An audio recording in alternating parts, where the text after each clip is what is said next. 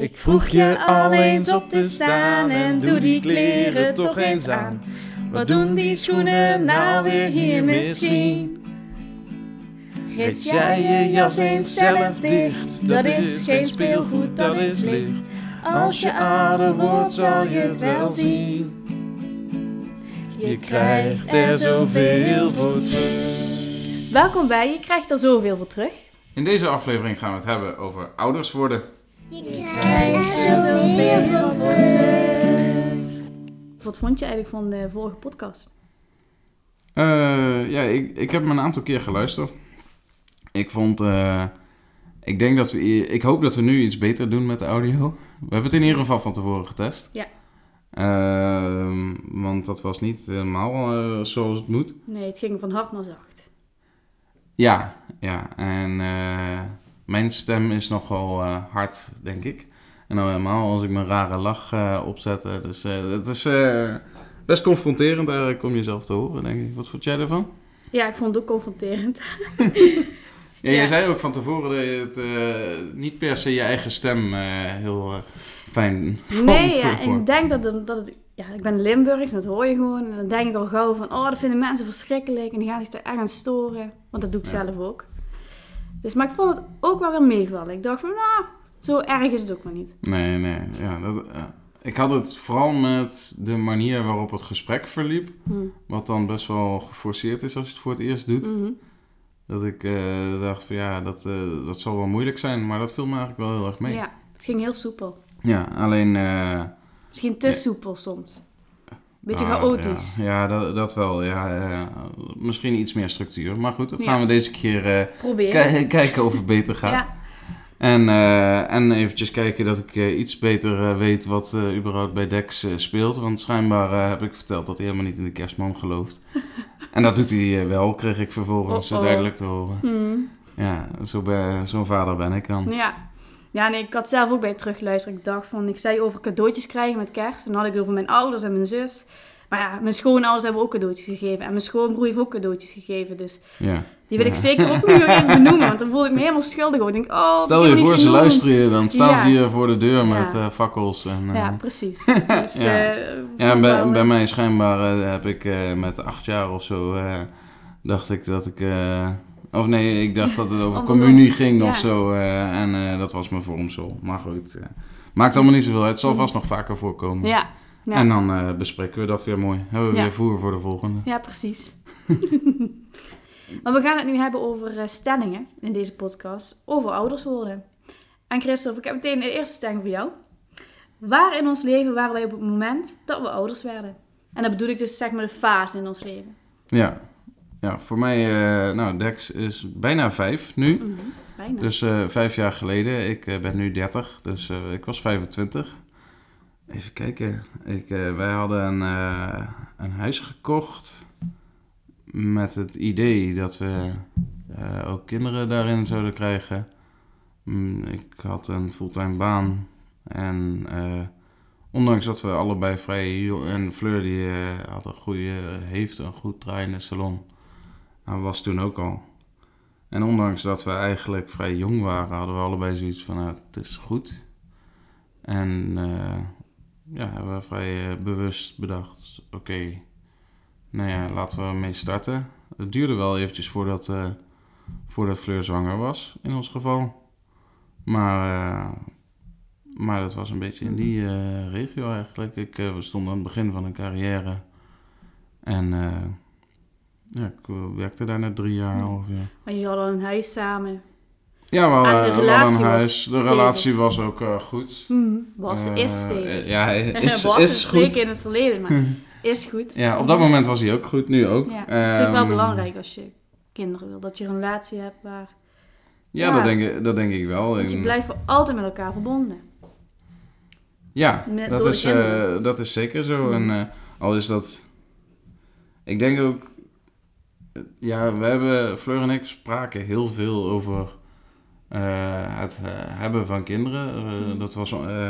ik zeg het altijd een beetje gekscherend, maar toen ik Fleur leerde kennen op de eerste date was het nog net niet de tweede zin die ze zei dat zij gemaakt is om kinderen te Ja. krijgen. Maar dat is ze ook. Eh, ja, jij bevestigt het. ja, Eh, want het is- wij spraken vroeger ook al over kinderen krijgen. ja. En Fleur was ervan overtuigd. Nee, ik word echt moeder. En ze wilde ook graag jongmoeder worden. Dat wist ze toen al. ja, dat is gelukt. Dat is er gelukt. Dus ja, nee, dat is ook echt... Ze is ook een kindermens. Ze is ook gek op kinderen. Dus, Ja, Ja. ja. dat is... eh, ik weet dus ook het nog... verbaast me niks dat ze meteen aanhaalt. Jullie waren wat eerder en Ja. ik weet ook nog dat jij wel eens hebt gezegd van ja, hoe, hoe kan het toch, dat jij tegen Fleur zei, hoe kan Mm. het toch dat je gewoon gelijk weet wat je moet doen met een kind of Ja. daarom of wat dan ook. Mhm. En dat is ook gewoon, eh, Fleur wilde dit altijd en eh, ik wilde altijd kinderen, niet per se vroeg, eh, Mhm. maar ik vond het ook niet erg of zo. Het maakte, het maakte me niet zoveel uit wanneer het was, Mhm. als, het- Als, als, de als ik maar vader kon worden. Mhm. Ja, en eh, zo is het eigenlijk een beetje gekomen. Hoe zat dat bij jullie? Ja, bij ons ging het wel helemaal anders. Want ik heb, Fleur was altijd degene die zei, ik wil kinderen hebben. En ik was eigenlijk altijd degene van de twee die zei, nou, dat weet ik eigenlijk niet. Misschien nog lang niet. Ik denk pas als ik ergens in de 30 ben. Net als mijn moeder, die was ook ergens in de 30. Dat vond ik wel prima. Ik denk, kan ik eerst eens even samen een huis kopen, verbouwen, een carrière beginnen. Maar dat liep wel anders. Ik studeerde nog. Mhm. Gabriel had wel al een baan, een redelijke baan. En toen raakten we zwanger, dus dat was wel onverwachts. En eh, dat was wel schrikken voor ons. Maar we hadden ook zoiets van, we gaan ervoor. En dan gaan we er ook 100% voor. Ja, want er was wel een kinderwens. Alleen het was nog niet verwacht op dat nee, moment. we wilden echt wel samen kinderen. We zeggen Ja. ook altijd, Gwen is vijf jaar te vroeg geboren Ja, in ons leven. ja. zeggen we dan altijd. Maar eh, nee, maar we hadden wel echt duidelijke afspraken gemaakt. Van als we het doen, dan gaan we er echt voor. En we hadden al een huis gekocht, net. Dus ik was eigenlijk al zwanger toen we het huis kochten. Alleen wisten we dat toen nog niet. ja. En dat huis, dat leent zich heel goed voor... eh, Ja, dat is een prima huis voor kinderen. We wilden eigenlijk niet in dit huis kinderen. Ja, Het idee was dat we hier tien jaar zouden wonen. En dat we dan hè, een familiehuis gingen kopen. Maar goed, dit huis heeft ook genoeg slaapkamers. En hè, helemaal prima. Dus het kon. Ja. We hadden inkomen, een huis en een goede relatie ook. ja. Alleen ik studeerde nog. Dat was een klein probleem. Maar ook dat is helemaal goed besproken. En hoe dat dan moest gaan lopen. En uiteindelijk heb ik mijn diploma gehaald. Dus eh, ja dus eh, uiteindelijk is dat ook wel goed gekomen. ja, en ik ben er heel blij om dat het zo en is zie je dat ondanks dat je een heel ander, hele andere start hebt, dat Ja. het wat dat betreft niet zoveel uitmaakt, zolang je maar een, inderdaad een Mhm. goede basis hebt. Die, eh, en die hadden jullie ook, Ja. in principe. Ja, kijk, ik was wel jong, 21. Maar ik was ook niet te jong, vind ik, vond ik zelf eigenlijk. Ja. En dat werd ook bij het ziekenhuis ook vaker gezegd voor onderzoeken. Van eigenlijk is dat de perfecte leeftijd voor je lichaam om moeder te worden. Dus dan dacht ik van yes. Ja, dat, vond ik ook altijd. Ik, had dan op mijn werk werd er heel veel gezegd van ja, eh, wat ben je eigenlijk jong? En nu dan Mhm. ook, nu we er twee hebben, dan eh, ja, wordt het nog steeds wordt daar wel een beetje gek van opgekeken. Want vaak ben ik de jongste vader aan tafel en heb Mhm. ik er twee en zitten die anderen nog met een, hun eerste baby op de arm, zeg Ja. maar. En dan wordt daar gelijk van bij ons dan verwacht dat het eh, ongepland was. Ja, En dan denk ik van ja, maar het kan ook gepland zijn Mhm. en het kan ook gewoon goed zijn. Eh, bij, jullie, bij jullie was het misschien niet gepland, maar het, het was gewoon. Nou, maar het was wel goed. Ja, Onze basis was in goed. principe goed. En jullie hebben ook allebei eh, ouders waar je gewoon goed op kan terugvallen. Ja. En dat is, Zeker. dat is ook een belangrijke, denk ik. Als ik Mhm. kijk, ehm, zeker tegenwoordig, bij mij zijn mijn ouders heel erg eh, veel aanwezig in mijn kinderen hun leven. Mhm. En de ouders van Fleur al helemaal, want die wonen echt Ja, op een steenworp afstand van ons. Ja. En bij, eh, bij jullie zijn ook de ouders, jullie beide ouders zijn veel eh, aanwezig. eh. Ja, ja, voor oppas zijn eh, ze eigenlijk altijd wel daar. Dus dat is wel ideaal. ja, en dat is eh, denk ik wel belangrijk. Maar ja, en over oppas gesproken, dan komen we gelijk bij de volgende stelling. Ik was goed voorbereid op het ouderschap toen ik mijn eerste kreeg. Christophe, was jij goed voorbereid? Hoe hadden jullie je voorbereid bijvoorbeeld? Ja, ik vind het best even graven, ondanks dat we Mm. de, de stellingen voorbereid hebben. Maar, of als, als zijnde, we hebben ze benoemd.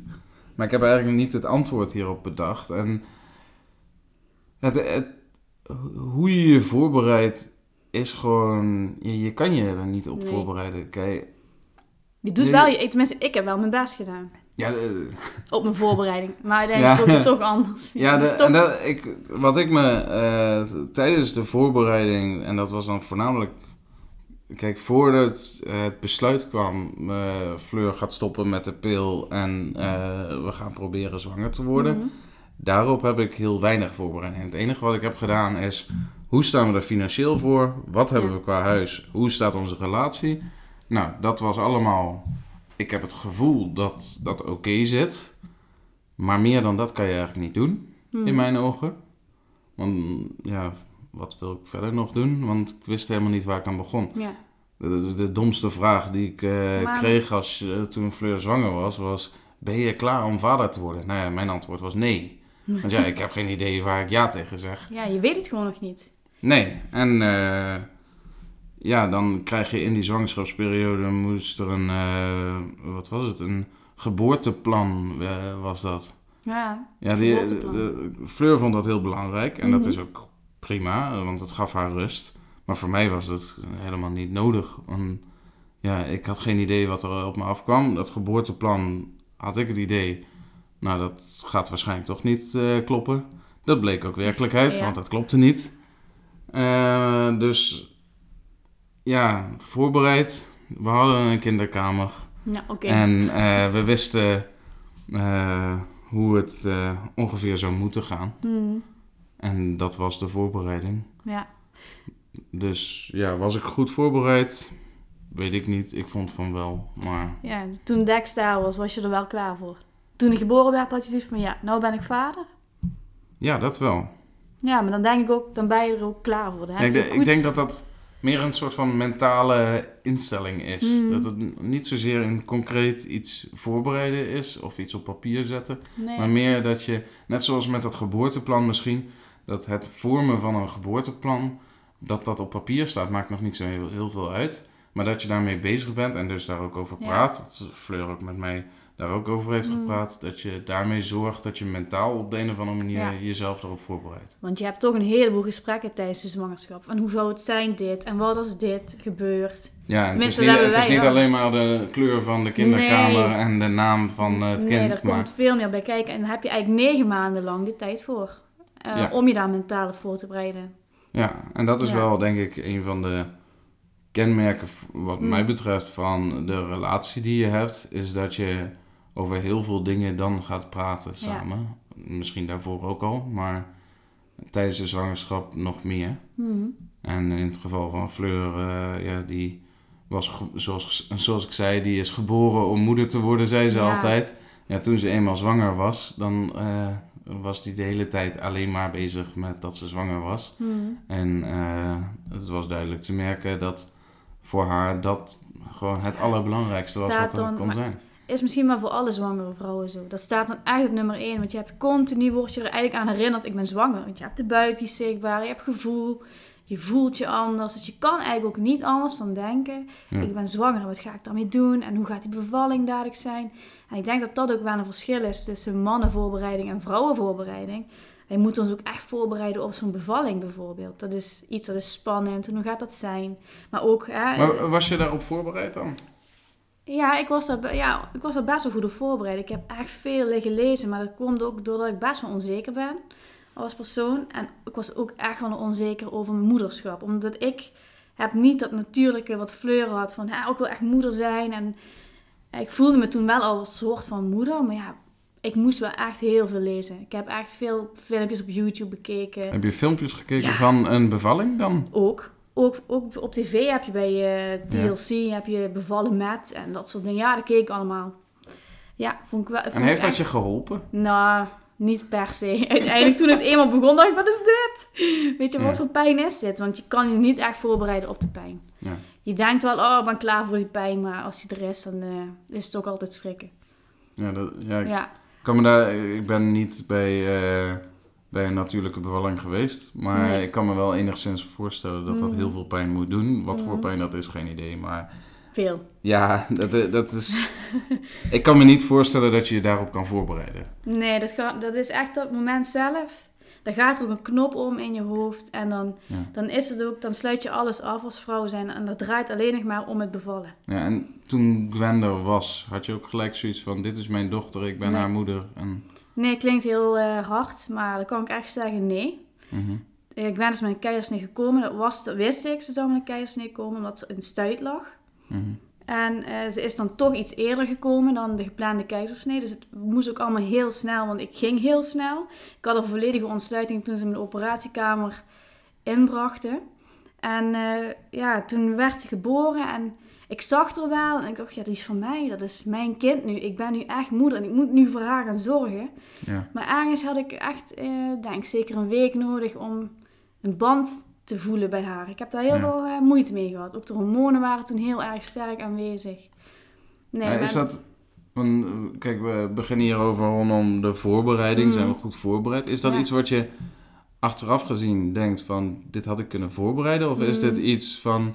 Nee, dit is echt een gevoelskwestie geweest. Want ik heb me echt wel ingelezen over hoe je dan een baby vast moet houden. Ja, ik heb dat allemaal moeten Mhm. lezen. Want ik voelde dat niet natuurlijk aan. En toen zij geboren was, ja, toen zij geboren was, had ik echt zoiets van, eh, ja, nu, ja, ik hou er dan ja, in mijn arm zo vast. En hoe moet ik er nou draaien? En ik was totaal de weg kwijt. Ik wist Ja. echt, ik durfde er gewoon niet anders vast te houden dan zo veilig tussen mijn armen.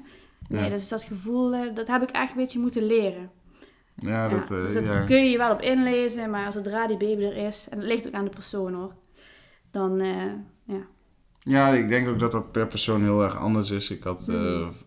ja, bij, bij ons, we hebben, doordat de bevalling echt eh, rampzalig verliep, hebben we Mhm. heel veel begeleiding gehad. En dat maakt het voor mij natuurlijk, dat deel van de bevalling was voor Mhm. mij eigenlijk heel erg eenvoudig. Ja, Want ja, je, we hadden eigenlijk 24 uur 7 hadden we gewoon mensen die de hele tijd voor ons klaar stonden Mhm. op dat moment. Dus ik, ik, Ja. ik heb me daar nooit over ingelezen. hm, Maar het was bij ons ook eigenlijk niet meer nodig. nee. Heb je behoefte Maar- om je verhaal te vertellen? Hoe jullie bevalling is gegaan, want hij is vrij heftig verlopen. Ja, maar ik denk, ik denk dat dat een verhaal is wat ik samen met Fleur samen zou Ja, moeten vertellen als ik wel. dat doe. Ja, Eh, hij is heel heftig verlopen. Maar het het, is een- zeker het geen niet normale een, eh, bevalling geweest. Nee, het is eh, niet een eh, verhaal. eh, ja, laten we zeggen dat het hele ziekenhuis, eh, alle mensen die daar werkten, die waren. Ja, Het is eigenlijk een de bevalling wat je in films ziet. ja die, Tenminste, eh, ik de- had- en niet eh, de feel-good films. Nee, niet te veel. Echt heftig. Ja. Zo'n drama eh, verhaal. Ja, maar dat, Ja. eh, dat verhaal is niet van mij alleen. En, dat, nee, eh, precies. Eh, en ik vind dat ook niet een verhaal wat ik in mijn eentje zou moeten vertellen. Mhm. Dus eh, dat doe ik ook niet. Maar goed, het, eh, het was weet- niet. inmiddels zijn we bijna vijf jaar verder. En is dat allemaal. de, de stof is wat meer gaan liggen. Al Ja. moet ik zeggen dat de foto- foto's en filmpjes van de eerste momenten van Dex Mhm. zijn nog steeds heel heftig. Ja, vind ik ook. Ja, laten we maar dit onderwerp afsluiten en doorgaan naar de volgende stelling. En dat is, de leeftijd waarop ik ouder werd, was perfect om ouder te worden. Hmm. Ehm, ja, is er een perfecte leeftijd om ouder te worden? Ik denk dat, dat, dat de leeftijd, en dat is, dat is eigenlijk het kromme wat ik al eerder zei, Mhm. dat je dat cijfertje van je leeftijd, dat dat niet heel veel zegt in deze. Um, Nee, ik denk dat het meer draait om de fase in het leven waar je bent, waar je je bevindt. Ja. Want je kan ook 25 zijn en nog geen huis hebben, nog studeren, hè, op kamers wonen. Ja. Kijk, dan denk ik van ja, om dan een kind te krijgen is heel onhandig. ja, maar ook dan. Kijk, jij, kijk elkaar- jij, ja. jij studeerde ook natuurlijk. Ik studeerde ook en, nog. en je was ook pas net Ja. verhuisd. Dus op, Maar daarom... Op zich, het, het is een beetje. Ik denk dat het van heel veel factoren afhangt. Mm. Dat je. eh, ik- eh, een van de belangrijkste dingen is met wie ga je dat kind samen krijgen. Ja. En is eh, dat een setting waar je op elkaar kan terugvallen, waar je zo nu en dan ruzie kan hebben en dat, eh, hoe je dat doet Mm. maakt niet uit, maar dat dat ook weer goed komt. ja, dat je veilig ruzie kan maken. Ja, inderdaad. Dat je hoeft het niet eens met elkaar te zijn. Dat is denk ik helemaal niet eh, handig als dat altijd zo is. Maar je moet het wel, je moet van alles kunnen bespreken. Want je gaat een kind samen opvoeden. Ja, En als het goed is, wordt dat kind ouder dan dat je zelf wordt. Dus de rest van je leven heb je gewoon samen met die persoon met wie je een kind krijgt, Ja. heb je iets te bespreken. Mhm. En als je niet fatsoenlijk met iemand kan communiceren en je gaat dan samen een kind krijgen, denk ik dat Ja. dat, dat, dat een beetje. Dat gaat echt Ja. een, eh, heel lastig worden. En dat is veel belangrijker dan hoe oud je eigenlijk bent. Mhm. Kijk, eh, ik kan me, als ik naar mezelf kijk, kan ik me niet voorstellen dat ik, als ik 16 was of zo, dat ik dan vader zou zijn geworden. Ik was met 16 was ik nog in de knel met mezelf. Ja. Laat staan dat ik een eh, ander kind kon opvoeden. Mhm. Maar ja, met 25 in mijn geval was ik er wel klaar voor. Om, Ja. eh, als ik nu terugkijk, denk ik dat dat eh, helemaal prima was. Mhm. Maar er- ik ken ook genoeg mensen die nu eh, 30 zijn, net zo oud als ik, waarvan ik denk van nou, wordt eh, nog maar ietsje volwassener of verstandiger. eh. Ja. En daarnaast, misschien moet ik dat helemaal niet zeggen, want eh, wie ben ik om dat te bepalen? Hmm.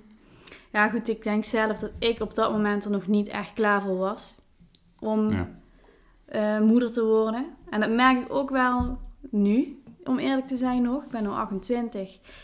En eh, ik ben nog altijd aan het zoeken. Ik heb nog altijd niet... eh, ik had het liever andersom gewild. Hè? Eerst een carrière en dan kinderen. Waarom wil je dat andersom? Ja, omdat ik nu merk dat ik heb weinig ruimte om, eh, om echt op zoek te gaan naar een fulltime baan. Dat gaat al niet. Hè, om die ervaring op te doen. Nu moet ik ook kijken, mijn man werkt in ploegen. Ja, dat moet allemaal met elkaar matchen voor de opvang. En het is echt een heel gedoe. En ik heb nog altijd geen baan gevonden waarvan ik denk, nou die past bij mij. Maar ik moet wel werk hebben, omdat ik toch een gezin heb en dat moet je onderhouden. Ja, het leven is duur. Het leven is duur, zeker met kinderen erbij. Ja. En ehm, ja, ik mis daar wel die vrijheid in om echt op onderzoek uit te gaan. Wie ben ik? En ik denk zelf dat het onder andere te maken heeft met het feit dat ik zo vroeg moeder ben geworden. En dat ik eigenlijk eh, vanaf dat moment heb je bepaalde verantwoordelijkheden. En kun je niet meer zo vrij wil doen, zeg maar. Je hebt toch een verantwoordelijkheid naast Ja, maar als je je. dat vergelijkt met een meisje van 21 die vervolgens volle bak de kroeg in gaat, zich Mhm. helemaal klemzuipt en Ja. met eh, drie verschillende jongens eh, naar huis loopt, Mhm.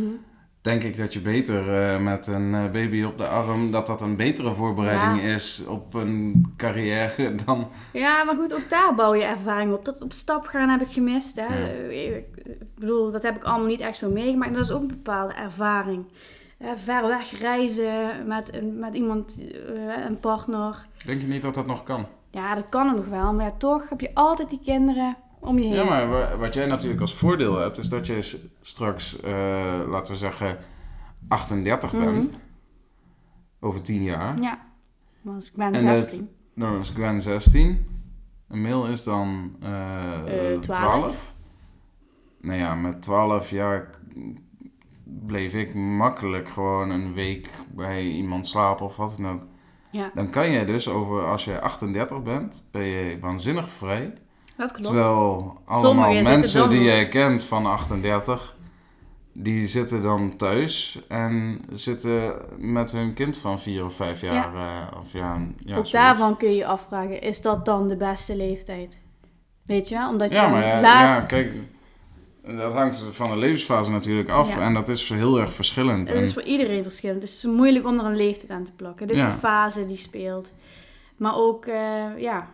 Het is eigenlijk de fase waarin je je bevindt. Ben je er klaar voor? Ben je mentaal klaar Ja. voor? Heb je de ruimte voor kinderen? Ben je financieel zelfstandig genoeg, zeg maar, om kinderen te krijgen? Het is niet de leeftijd die er Nee. doet. nee, wat ik, hoe ik het steeds bedenk, en dat is natuurlijk voor mezelf, en dat Mhm. is niet bij iedereen, eh, niet- voor iedereen is deze wijsheid eh, nuttig. Mhm. Maar als ik later 40 ben, dan heb ik als het goed is een inkomen wat wat hoger ligt dan toen ik 20 was. Mhm. Oftewel, als ik een reis wil maken, dan is dat eenmalig vaak een vrij grote kostenpost. En de kosten van een kind, dat, ja, dat verspreidt wat meer. Dus die, dat is niet een eh, aankoop zoals een dure televisie of zo. Mhm. En ik ben niet een enorm goede spaarder. Eh, Ik denk dat je je Wij kapot schrikt als je mijn, eh, als je mijn spaarrekening ziet. En ja, dan, dan is het best handig dat je op latere leeftijd die reis kan maken. Of wat, wat je ook wilt doen. Mhm. Die wat meer geld kost, eenmalig. Ja. Want dan heb je een inkomen wat het daadwerkelijk kan doen. En dat zal voor. Gabo natuurlijk ook hetzelfde zijn. Mhm. Dat inkomen groeit ook. En tegen de tijd dat jullie eh, een heel stuk ouder zijn en de kinderen ook wat vrijer zijn, Mhm. dan heb je waarschijnlijk ook iets meer geld om Ja, dat ja. te kunnen doen. voor mij zal dat betekenen dat als de kinderen ouder zijn, ik ook meer kan gaan werken, meer Ja. uren kan gaan maken. En dan is ook het financiële plaatje een stuk gunstiger. Ja, inderdaad. Natuurlijk worden die kinderen ook duurder Ja. als ze gaan studeren, maar, Tuurlijk, maar ook daar zijn we voorbereid op. maar het is wel op een andere, het is wel op een andere manier. Ja. En mij lijkt het ook leuk dan dadelijk, hè, over die tien jaar, dat je kan zeggen, kom we gaan met de kinderen een, eh, een tripje door Amerika maken. Bijvoorbeeld dat je dan een Ja. grote reis doet, maar met de kinderen erbij. Ja. Een levenservaring geven. En je hebt dan denk ik nog de energie om dat ook te doen. Ja, dat ook. Dat is, even- dat is natuurlijk een gok. Wie weet Dat- wat er over Ah, tien ik jaar... ben nu maar- hartstikke moe. Dus ja, ik ben benieuwd. ik ben nu altijd moe. Misschien, eh, misschien dat er wat meer energie Ja. moet eh, komen. Mhm. Dat Ja, vast wel, wel. eh, Hoe ouder de kinderen, hoe meer ook rust je voor jezelf hebt. Ja. Maar pu- ik. puntje bij paaltje, perfecte leeftijd, Nee. nee, maar Het zijn gunstige momenten om een kind te krijgen. En gunstige fases, zeg maar. Ja. bepaalde basis moet er zijn.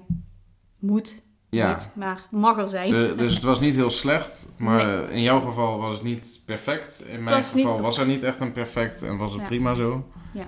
En uh, nou ja, zijn er wel uiteindelijk prima eh, blij mee met Tot nu toe gaat het goed, toch? Ja, volgens mij Ze wel. leven allemaal nog. Nou, dat, eh, dat hebben we al bereikt. Ja, precies. maar laten we even teruggaan naar de stellingen, want we hebben er nog. Ja. Bij het krijgen van mijn tweede kind wist ik precies waar ik aan begon. Emma, bij jou Ja. als je tweede kind. Ik dacht van wel. Oh, Ja, ja. waarom nou ja, dacht je van wel? Nou ja, je, hebt het al een keer meegemaakt. Mhm. Dus dat, dat op zich helpt dat. Eh, even kijken, Dex was eh 2,5 toen Emma geboren werd. Ja. Dus eh, ja, als ik het nu fout zeg, krijg ik het waarschijnlijk nog wel. eh, krijgen jullie het in de volgende aflevering te horen. Maar volgens mij klopt dit. Ehm, ja, je denkt dat je het weet omdat je het al een keer hebt gedaan. Mhm. Alleen, ja, het was heel anders. Want de bevalling was bij ons gelukkig anders en ook veel beter en alles gecontroleerd en dat was heel erg prettig. Eh, we konden ook vrij snel weer terug Ja. naar huis. En dus had je een veel langere periode thuis. Dat hadden we nog nooit meegemaakt. Mhm. dus, dat, dus dat is anders. Alleen, je bent wel veel vrijer. Met, in mijn geval tenminste was ik met eh, Emma als baby. Ja, eh, bij, bij Dex was ik veel voorzichtiger. Mhm. Bij, bij Emma wat minder. Mhm. En dat is denk ik nog steeds wel. Dat, ja, dat ik bij Emma minder bang ben als die ergens... eh, ze is nu 2,5, die dondert gewoon zelf eh, tien keer eh, per week van een stoel af. Ja, Omdat ze maar dan denk je, oh ja, huilt ze? Nee, oké. Ja, nou ja, Emma huilt altijd in principe, Oh. maar het is wel... Ja, ik ga niet in een sprint erheen per Nee. se. Omdat ik denk van ja, als ze echt heel veel pijn heeft, dan... Of ze blijft liggen, dan is het echt heel erg Mhm. problematisch. Of ze rent naar mij en dan heeft ze veel pijn. Of ze staat op en staat te huilen dat ik naar haar moet. Ja, dan kan ik rustig aan erheen. Eh, maar, Maar, je vliegt maar er niet meer zo op af. Nee, en bij Dex, eh, daar weet ik nog dat hij... eh, we hebben zo'n klimrek in de tuin Mhm. staan. en dat hij daardoor het laddertje van het klimrek heen donderde. En het first naar beneden. En dat ik me echt kapot schrok de eerste keer. Nou ja, Emma die doet dat eh, in de zomer doet ze dat eh, heel regelmatig. en dan denk ik van, joh, ik blijf lekker zitten in die Mhm. tuinstoel. Ze komt vanzelf wel. Want dat komt toch altijd wel goed. Ja. Tenzij het natuurlijk een hele rare val is. Ja, Maar de kans zit er eh, natuurlijk altijd in. Maar ja, goed, je, gaat, je laat je niet meer zo leiden door het allerergste. nee, en da- dat is denk ik het enige wat, ja, wat bij mij wel het grootste verschil is. Dat je minder bang bent om een fout te maken. Ja. Terwijl dat bij de eerste nog wel eh, zo was. Ja. Maar aan de andere kant, ja, voorbereid op de tweede. Ja, eh, aan de ene kant misschien wel. Maar aan de andere kant, de tweede is heel anders. Mhm. Eh, waar, waar Dex heel erg rustig kan zijn, is Emma, ja, ze noemen het ze nu een echte vrouw die jou gewoon vertelt wat er moet gebeuren. Ja, Ja. Dat, ja dat, daar kon ik me niet op voorbereiden. Dat Mm. is gewoon anders. Nou Dus ja, het karakter kan ik weinig eh, op nee, daar kun je weinig op voorbereiden. Wat ik merkte was van, eh, ook dat gevoel van, oh ja, je weet al hoe het gaat, bevalling en hoe je een baby moest vasthouden. Dit keer gooide ik Mil, hè, onze tweede, Mil gooide ik van de ene kant naar de andere kant. En, hè, Van de ene arm naar, Naar de de andere, arm. Ja, je beeldt het uit. ja, Dat- maar dat niet, dat mensen denken dat je met mil eh, de camera rondgooit. Nee, maar dat gaat dan heel makkelijk en heel soepel. Maar ik heb me wel een beetje vergist in eh, ja, de tijd die je hebt, zeg maar. Met de eerste kun je slapen, met de baby meeslapen. Ja. Hè? En het is niet zo heel erg als je s'nachts op moet, want je kan 's morgens toch langer uitslapen. Nou, dat was bij de tweede zeker niet zo. Ik moest gewoon 's morgens weer om eh, tien voor zeven op Ja. om de oudste naar school te brengen. En ja, er was, ja, er was niet veel rustmomenten tussendoor. Dus ik was wel echt een stuk... eh, ja, dat is... eh, stuk meer moe. Ja, Dat, dat, dat snap ik wel, ja. Dat, eh, dat ik- vond ik wel echt even schrikken hoor. Ja, eh, de- nee, ja, de- ik begrijp dat wel. Dat is bij... eh, dus de, eigenlijk de voorbereiding op dat het er twee zijn. Niet per se Ja, op het... Niet op het tweede het- kindje, Het tweede kind, dat, dat is niet zo handelen complex. twee kinderen tegelijkertijd hebben. Ja. Ja, dat vond ik wel pittig in het begin. Nu heb je er wel een handigheidje in, maar in het begin dacht ja, maar echt, wat is dat oh. handigheidje? Want die heb ik niet. eh. Nee, oh, gewoon de tweede dus een ding laten doen. Ja, dat is... Maar bij eh, ons is het leeftijdsverschil wel een stukje groter. Want Gwen was 4,5 toen Mil Ja. geboren werd. En dan merk je ook wel. eh, Gwen die begreep echt dat ze rustig moest doen, zachtjes moest doen. Ze kon Mil ook het flesje geven. Dat was echt ja, misschien wel ma- makkelijker, denk ik. Ja. Maar aan de andere kant is het voor Gwen wel een grote verandering geweest. Want het is 4,5 jaar lang enig kind geweest. Ja, En opeens komt er zo'n kleine bij. En opeens kreeg ze niet alle aandacht. ja. En heeft ze echt aan moeten wennen. Dat, dat vond ik wel af en toe sneu. Dat ze echt een beetje verdrietig was. En hè, van waarom, ja. waarom een tweede? Maar dat is ze Waarom uiteindelijk... doen jullie nu dit aan? Terwijl we dat misschien wel een beetje voor haar... Nee. Maar ehm, nee, zij heeft er ook wel aan moeten wennen. Ja, Maar goed, mijn handigheidje is... Laat het maar los. ja laat Het het, komt eh, wel goed. laten leven. Laten leven. Ja, en dus bij de eerste ben je echt nog aan het sturen. En je bent er echt achteraan aan het rennen. Ja, En bij de tweede, wat je ook zegt, dan laat je het eigen een beetje los. Oh, is hij op de vloer aan tekenen? Oh, jammer. ja dan ben je blij dat je gladde tegels Ja, hebt waar je het zo van afpoetst. Dat je denkt van jammer, maar goed. Ja, Maak een foto van, dat is leuk. Ja nee, bij de eerste eh, was ik echt van, oh nee, en misschien hoort het wel zo. Of misschien gaat het wel... Ja, ja. daar was ik wel bang van dat ze misschien een of ander... eh, Ik, de- ik denk een van de, voor mij een van de voorbereidingsdingen die de eerste heeft geholpen bij het hebben van daarna twee kinderen, Mhm. is dat ik me. Ik trek me sowieso nooit zo heel erg veel aan van andere mensen, maar toch bij de, bij de eerste heb je nog een soort van vergelijking met anderen. mhm. En bij de tweede is de vergelijking niet met anderen, maar is meer met jezelf wat je bij de eerste Ja. deed. Eh, tenminste, dat was, eh, ja, jij Mhm. bevestigt het en bij ons Ja. was dat ook zo. Ja, En de vergelijking met anderen, die is een beetje weg aan het gaan. Met, Hmm. eh, helaas, als je op het schoolplein gaat lopen, komt dat weer een beetje terug. ja maar dan vind ik, vind ik het niet zo heftig. Nee, ik vond het vooral als je dan met een kinderwagen loopt en daar zit een kind in en mensen komen kijken en gaan daadwerkelijk het gesprek met je Mhm. aan. Dat, ze, dat er altijd een soort van oordeel dan komt Ja. op hoe je dingen doet. En bij de tweede had ik echt zoiets van, ja, je zoekt het maar uit met je Mhm. oordeel. Eh, Ja. Jij moet er niet meer leven. Ja. Dit is mijn eh, kind en die moet met mij leven en ik met hem of met haar.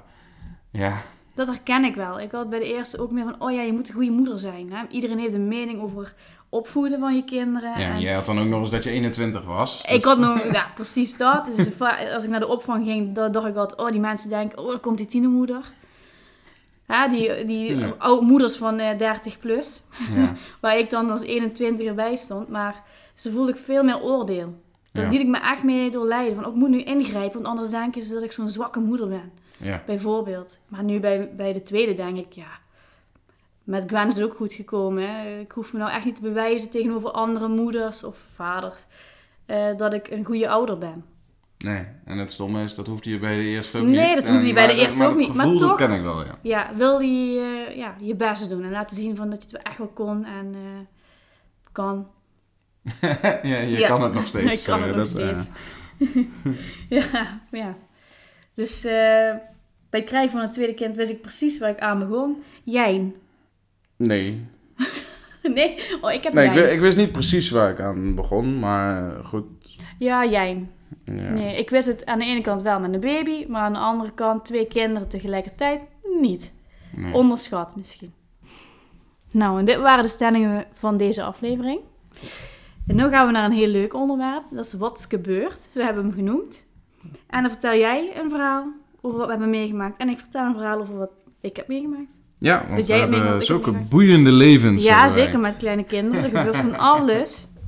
Dus dat is altijd wel grappig. Ik weet niet, wil jij beginnen of zal ik beginnen? Nou, ik kan, eh, Ja? ik kan hem wel eh, beginnen.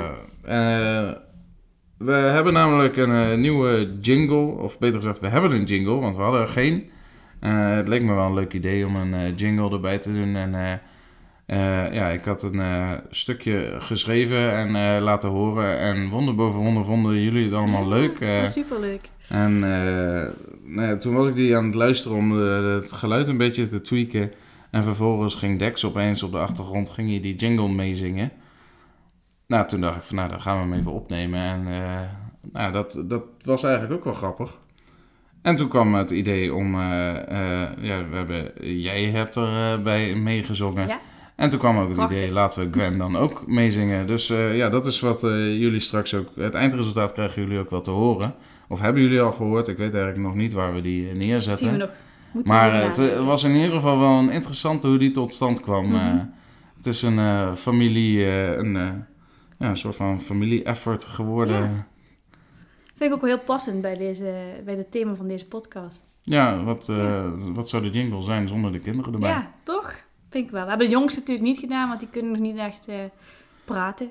Nee, nee, dat eh, zou bijzonder zijn. Ja. Eh, als ze niet, niet fatsoenlijk kunnen praten, om dan wel zo fatsoenlijk te laten zingen. Mhm. Ja. Maar jij had ook een leuk verhaal Ja, als we het toch oh. over kinderen hebben. Ja, ja, ja, precies. Ja, het was de dag voor, het was voor, de dag voor oudjaar. Dag, Mhm. zeg ik het zo goed? Ja, Ja. denk het wel. In ieder geval, mijn moeder... der- ga- 30 december. Ja, 30 december. Mijn moeder ging met pensioen die dag en mijn dochtertje Gwen had bedacht, ik wil wat moois voor de knutselen. Nou, vond ik een superleuk idee. En zat voor eh, kerst, eh, ja, om stenen te versieren met van die diamantjes erop. Dus dat Ja. wilde ze graag doen. Dat vond ik echt superleuk. Nou, gingen we meteen aan de slag. Dus we openen de, eh, de verpakking met lijm. Er zat zo'n raar lijmtubetje in.